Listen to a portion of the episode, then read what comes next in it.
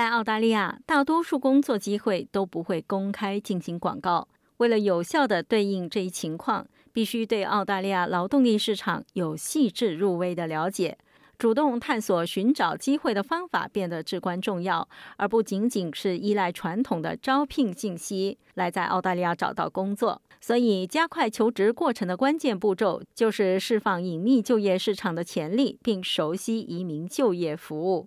通过利用这些资源，您可以显著提高更快找到工作的机会。下面请听报道。找工作是一件重要的事情。您一抵达澳大利亚，就必须立刻检查您的工作权利，并积极寻找工作机会。MB Migration Law 的首席律师艾格尼斯·凯梅内斯说：“You have to be absolutely brave enough to go out and look for work. No one is gonna find you a job.” To find a job, it is extremely important that you. 你必须有足够的勇气出去寻找工作。没有人会给你找工作，要找到工作，了解澳大利亚就业市场非常重要。你有没有口音并不重要，甚至您可以对雇主说：“嘿，我有口音，你还记得我吗？”无论你有什么缺点，你都可以利用它来变成你的优势。但是你必须出去，你必须自己去找工作。要开始找工作，请利用 Seek、Career One 和 Jora 等就业网站，以及 LinkedIn 等社交媒体平台。这些平台会提供市场上招工的工作类型和对人才有需求的行业的宝贵信息。凯梅内斯女士说：“联系招聘和劳务雇佣机构可能会有所帮助。招聘和劳务雇佣的区别在于，招聘公司会协助你找工作，他们会向用人单位收取费用；劳动力雇佣机构为您提供直接就业机会，但是他们将让最终用户雇佣您。”然而，想要求职，必须超越传统渠道，也就是人们需要挖掘隐藏的就业市场。由于许多职位尚未发布广告，因此要获得工作，就需要通过直接与澳大利亚的雇主和其他可以建立的联系来积极扩展您的网络。这种方法可能包括在 Facebook 社区群组中探索机会。人们通常会在不公开帖子的情况下寻求招聘。您还可以获得许多移民和难民就业服务，例如一些国家非营利组织，比如国际安居服务组织 （SSI），它会向来自不同背景的人们介绍培训和就业途径。SSI 专门针对难民和移民社区提供服务。就业服务主管朱迪拉兹卡尼解释道：“The first thing we do, we call it the ten steps of success, which is helping them understand what they need to have.” 我们做的第一件事，我们称之为“成功的十步”，就是帮助人们了解他们需要什么，如何翻译或如何将所有文书工作纳入澳大利亚的证据库，如何获得海外资格，在澳大利亚如何寻找工作，如何研究企业，如何与我们。这样的服务机构建立联系，以帮助他们有能力和独立去获得工作。在抵达澳大利亚之后，新移民通过其难民和寻求庇护者就业计划和 SSI 建立联系。SSI 将评估您的技能，评估您的工作经历，并考虑您的职业抱负。通过这些项目，人们学习如何制定简历。以满足澳大利亚的标准，并更深入的了解这里的就业市场。拉兹卡尼女士解释说：“如果您在海外从事过工作，SSI 就可以就该职业如何转化或与澳大利亚提供的机会保持一致提供指导。” For example, if you're a mechanical engineer in Middle East working on multi-billion projects, 例如，如果您是一名在中东从事数十亿元项目的机械工程师，你如何才能够踏入这扇门？你可以从项目经理开始吗？或者你可以从其他地方开始吗？我们会尽力获得海外资格认可，努力提高工作英语的水平，努力建立信心，努力建立社交网络等所有其他步骤。因为最终我们都知道，您要去找到这份工作，而不是工作找到。您、您认识的人以及如何真正的驾驭寻找工作的一切步骤，会让您成功。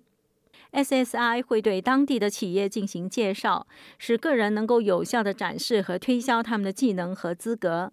这项支持旨在帮助新移民在当地就业市场上进行引人注目的宣传和建立联系。IMES Australia 还通过联邦政府的澳大利亚劳动力计划和其他独立举措，为移民和难民提供就业服务。他们的目标是消除移民和难民寻找就业所面临的障碍。AMES 澳大利亚公共事务经理劳里诺埃尔表示，他们还强调了移民带来的优势、技能、资格和生活经验。One of the programs we run is the Employment Mentoring Program, which seeks to speed up migrant pathways. 我们运行的项目之一就是就业指导计划，旨在加快移民就业的速度。它的目的是更好地协调移民可以获得的服务，让他们更快地找到工作。如果我们把我们的难民安置点、教育和就业工作人员集中在一个地方，他们可以对每个移民或难民客户进行分类。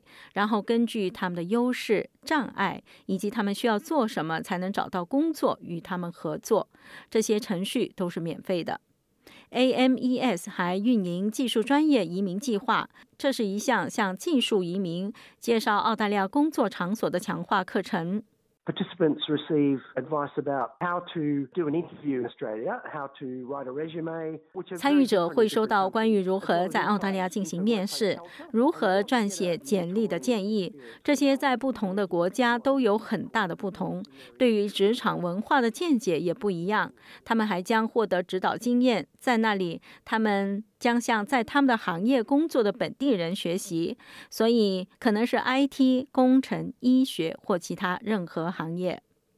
有关这些计划的信息，您可以在 AMES 网站上浏览详细信息。如果您是一位对成为技工感到好奇的女性，将女性与行业联系起来，Connecting Women to Trades 是新州政府的一项倡议。SSI 就业服务主管朱迪拉兹坎尼表示，通过 SSI 的运作，为进入行业或者建筑行业的企业和女性培养了能力和意识。We're specifically working with businesses and the females on building the businesses. 我们专门与企业和女性合作，建设企业的能力。